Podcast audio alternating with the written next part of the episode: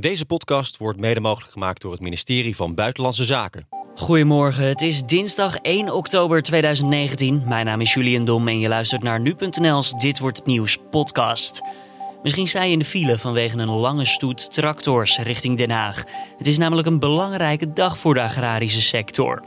Volgens veel boeren is het limiet bereikt als het gaat om het gebrek aan erkenning voor hun werk en de negatieve berichten rondom de sector. Er is daarom een protest georganiseerd op het Malieveld in Den Haag. Maar ik verwacht eigenlijk niet dat er vandaag gezegd gaat worden: uh, de boeren hebben helemaal gelijk en we gaan het drastisch uh, veranderen, onze aanpak. Dat was onze verslaggever Binnenland Job van der Plicht. Hij zal ook aanwezig zijn bij deze actiedag en straks praten we met hem verder. Eerst kort het belangrijkste nieuws van nu. De Amerikaanse president Donald Trump is wederom in opspraak gekomen. Deze keer omdat hij in een telefoongesprek met Australische premier Scott Morrison om informatie gevraagd zou hebben waarmee het Ruslandonderzoek in diskrediet gebracht zou kunnen worden. Dat schrijft de New York Times op basis van twee anonieme Amerikaanse overheidsfunctionarissen. De onthulling volgt na een soortgelijk incident. Trump belde toen namelijk met de Oekraïense president en vroeg om belastende informatie die hij zou kunnen gebruiken tegen zijn democratische tegenstander Joe Biden. Dat gesprek kwam aan het licht door een klokkenluider binnen de Amerikaanse inlichtingendiensten. In beide gevallen zou er sprake zijn van het misbruiken van het Amerikaanse presidentschap voor Trumps eigen politieke doeleinden. De Democraten zijn inmiddels begonnen met een afzettingsprocedure tegen Trump. Net iets meer dan de helft van de Nederlandse bevolking vindt dat mensen die roken een hogere ziektekostenpremie moeten betalen. Dat blijkt uit onderzoek van het CBS. Ook één op de vijf rokers deelt die mening. Verder vindt 45% dat mensen die te veel drinken meer premie moeten betalen. En een kwart zegt ook dat dit moet gelden voor mensen die onvoldoende bewegen en mensen met overgewicht. Een gezonde levensstijl zou juist moeten zorgen voor een lagere premie, al dus 43%. Jos Verstappen maakt zich grote zorgen over de toekomst van het Formule 1-team Red Bull Racing. De vader van de Nederlandse coureur Max Verstappen denkt dat het team achterblijft op concurrenten Mercedes en Ferrari. Uh, we hebben het hele jaar de tijd uh, gehad om, uh, om dit gat te dichten die we nu hadden. En ja. we zijn er basis niet, niet dichterbij gekomen. Dus waarom zullen we dan in één keer volgend jaar wel in één keer dat gat ja. dichten? Dus daar maak ik me gewoon echt zorgen over. Ja. En ja, bij het team moet echt wat gaan veranderen om, ja, om om voor het wereldkampioenschap mee te doen. Ja. Dat zei Jos Verstappen in het Ziggo sportprogramma Pep Talk. Red Bull won met Max Verstappen dit jaar de Grand Prix van Oostenrijk en Duitsland. Maar na de zomerstop was dat succes weer voorbij en werden de races weer gewonnen door Ferrari en Mercedes. De selectie van Roda JC traint de rest van de week achter gesloten deuren. De clubleiding heeft daartoe maandag besloten vanwege onrust rondom de club. De ploeg uit de keukenkampioen-divisie is verwikkeld in een bestuurscrisis vanwege de nieuwe beoogde Mexicaanse eigenaar Mauricio Garcia de la Vega. Supporters hadden de Mexicaan vrijdag met harde hand uit het stadion gezet. Zij vrezen dat hij niet zijn beloftes na zal komen, zoals eerder al gebeurde bij het Spaanse Real Murcia. Maandag meldde het voltallige kantoorpersoneel zich al ziek. Ze wilden daarmee eveneens hun onvrede laten blijken over de nieuwe eigenaar. Ze spraken van een onwerkbare situatie. En dan het nieuws van deze dinsdag. Een grote protestactie vanuit de agrarische sector. Veel boeren trekken vandaag uit protest massaal namelijk richting het Malieveld in Den Haag. En mogelijk heb je op de weg al wat tractors zien rijden op plekken waar ze normaal gesproken niet horen. Ja, dat komt omdat ze aandacht vragen voor hun sector. Ze vinden dat er te vaak met de beschuldigende vinger in hun richting wordt gewezen, zoals tijdens het klimaat- en het stikstofdebat. Wat we van deze actiedag kunnen verwachten, dat vroeg collega Carné van den Brink aan nu.nl binnenlandverslaggever Job van der Plicht. Ja, het is een, uh, vooral een actiedag natuurlijk, maar eigenlijk is het ook een staking. Aangezien de boeren hun bedrijf in de steek laten en uh, nou, in actie komen om, uh, om er beter op te staan in de Nederlandse samenleving. Wat we kunnen verwachten is in ieder geval duizenden boeren die naar Den Haag komen. Ehm, dat is voor een deel met de trein, voor een deel met bussen maar ook voor een deel eh, met tractoren. Op dit moment is het zo dat, uh, ja, dat, dat, we toch wel duizenden uh, tractoren in, uh, in Den Haag kunnen verwachten. Ja, dus dat wordt nou, waarschijnlijk wel een bizarre situatie daar in Den Haag. Maar jij hebt met de initiatiefnemer van deze actie gesproken. Wat was voor hem de voornaamste reden om massaal vandaag in actie te komen? Nou, het gaat eigenlijk vooral om erkenning. Ehm, in heel veel discussies wordt er met de beschuldigende, vinger naar uh, boeren gewezen. Uh, denk aan de klimaatdiscussie uh, over de uitstoot van te veel CO2. denk aan het leed, dat, aan, aan het dierenleed, waarin ook vaak naar, nou, naar, bijvoorbeeld naar varkenshouderijen wordt gewezen, waar de omstandigheden voor varkens niet goed zouden zijn.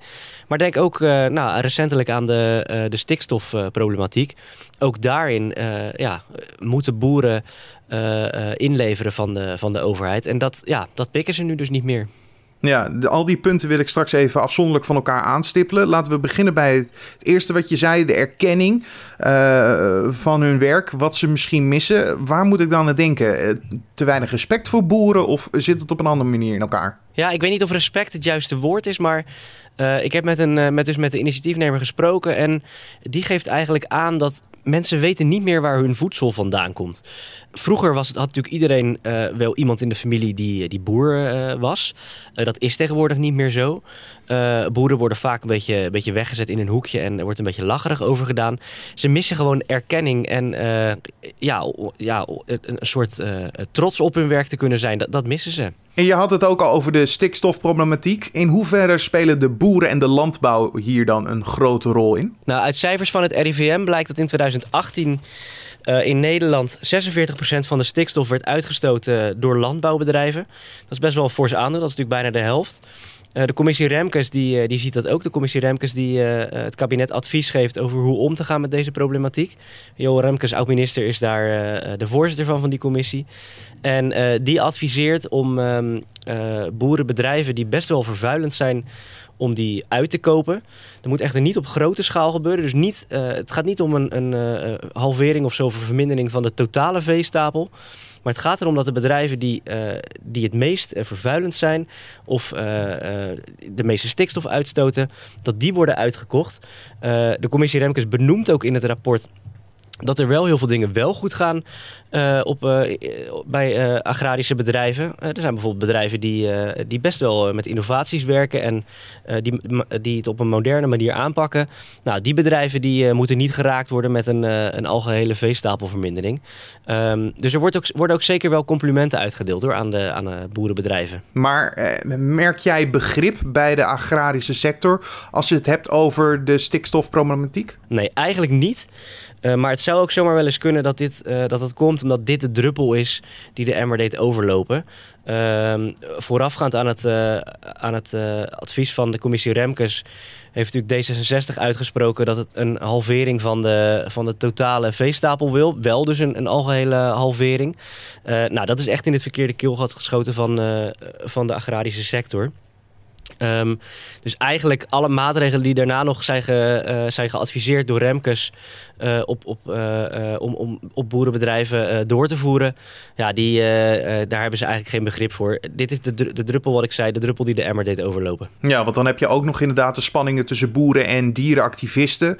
Ze werden er voorheen stallen bezet door de activisten. Uh, omdat zij vinden dat ze te veel uh, dierenleed is. Hoe erg is deze spanning tussen beide partijen? En is uh, deze actie van vandaag dan ook een signaal naar hen? Ja, uiteindelijk is deze actie een signaal naar alle partijen die, ehm, die met de beschuldigende vinger naar, naar boeren wijzen. Dus ook naar dierenactivisten. Het is zo dat er vandaag in Den Haag ook bepaalde dierenactivistische groepen aanwezig zijn en hun geluid laten horen. Um, de organisatie van, um, van het boerenprotest uh, heeft aangekondigd daar niet al te veel aandacht aan te willen schenken, omdat, het, uh, omdat ze hun geluid willen laten horen. Maar die spanningen zijn er wel degelijk. En dat kan ik me ook wel voorstellen, want op het moment dat jij een boerenbedrijf hebt en je, uh, ja, je runt dat en je bent daar dag en nacht mee in de weer. En uh, daar staat ineens uh, een dag of meerdere dagen staan daar mensen binnen je bedrijf die niet eens zijn met de gang van zaken. Of je het nou wel goed doet of niet goed, dat is natuurlijk nooit leuk. Jij bent vandaag aanwezig bij deze actie. Wat verwacht jij nog van vandaag dat, dat inderdaad dat zij hun zegje kunnen doen, dat zij hun stem kunnen laten horen? Maar verwacht jij nog grote veranderingen in deze, in deze problematiek? Ja, dat is lastig te zeggen.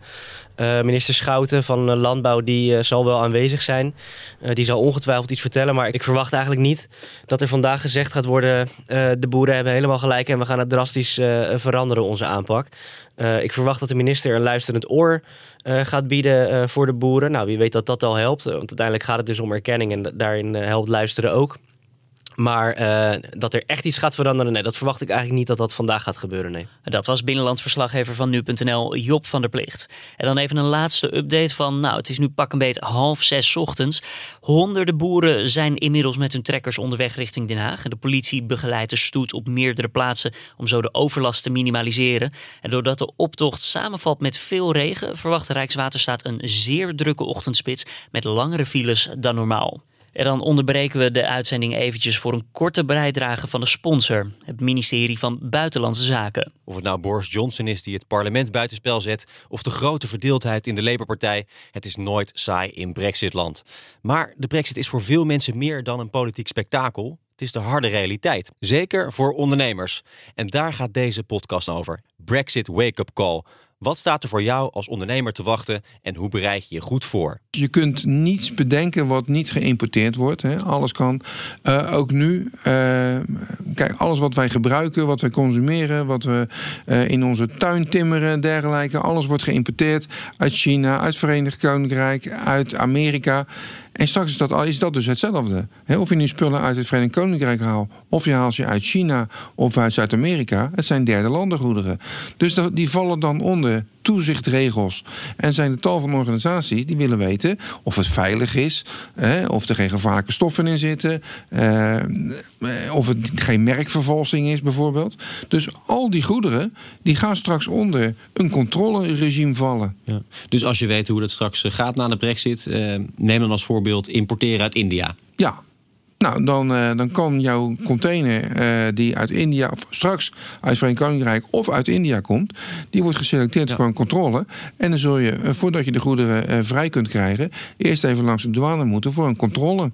Kijk jij het nog even aan, Ron? Of denk je, nou, ik zet mijn geld op Rotterdam? Laten we eerst maar eens kijken wat in Engeland gebeurt met de brexit. Voordat we een besluiten gaan nemen. Nee, de besluiten die, die worden zeker op dit moment nog niet genomen. Ja, dat zie je wel gebeuren. Hè? Dat een hoop ondernemers ook gewoon, omdat het gewoon allemaal geld kost, heel afwachtend zijn. Je zult maar tonnen investeren.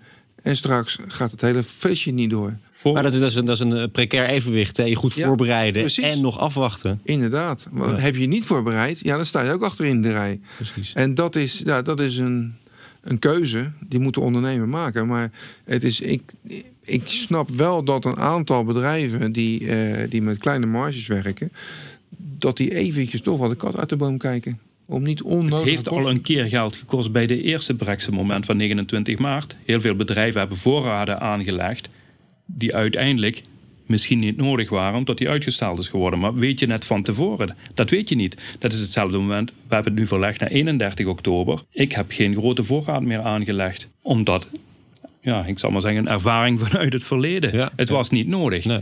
Ehm, met de ontwikkelingen op dit moment verwacht ik dat het ook niet per se nodig is om een hele grote voorraad aan te leggen. Dus daar kan je nog even mee wachten. Niet met uh, het EORI-nummer, niet met artikel 23, niet met Corebase. Maar die grote nee, voorraden, dat is misschien nog de even... voorbereidingen treffen die je kunt nemen, zo goed mogelijk. Wil je als ondernemer niks missen? Luister dan naar Brexit Wake Up Call op nu.nl of in je favoriete podcast-app. Dan door naar de nieuwsagenda voor deze dinsdag 1 oktober. Automobilisten kunnen vandaag op veel meer plekken groenere benzine tanken.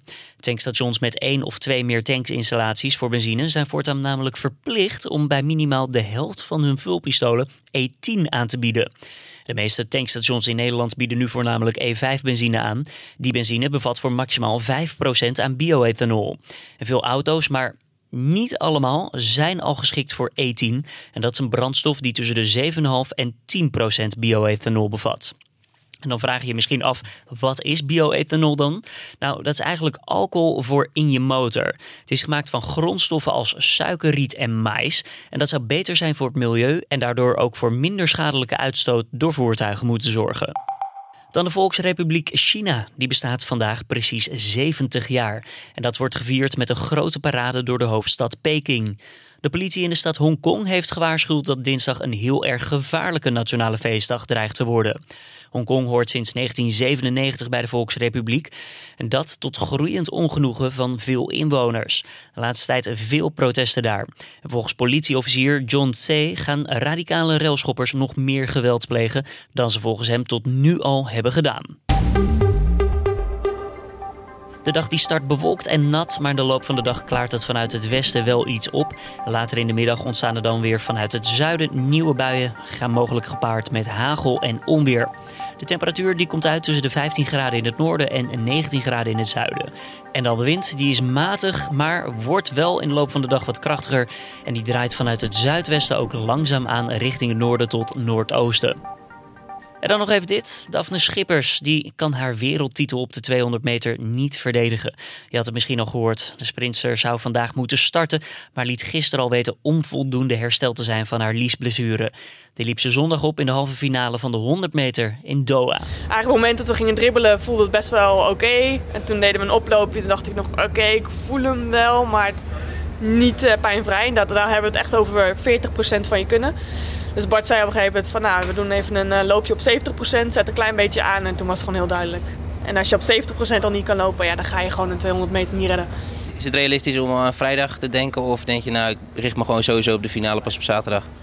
Nou ja, ik denk dat ik wel uh, nodig ben om de series door te komen. Dus dat als, ik, als ik besluit om voor de estafette, dan ga ik ook voor de series. Daphne Schippers hoorde je daar.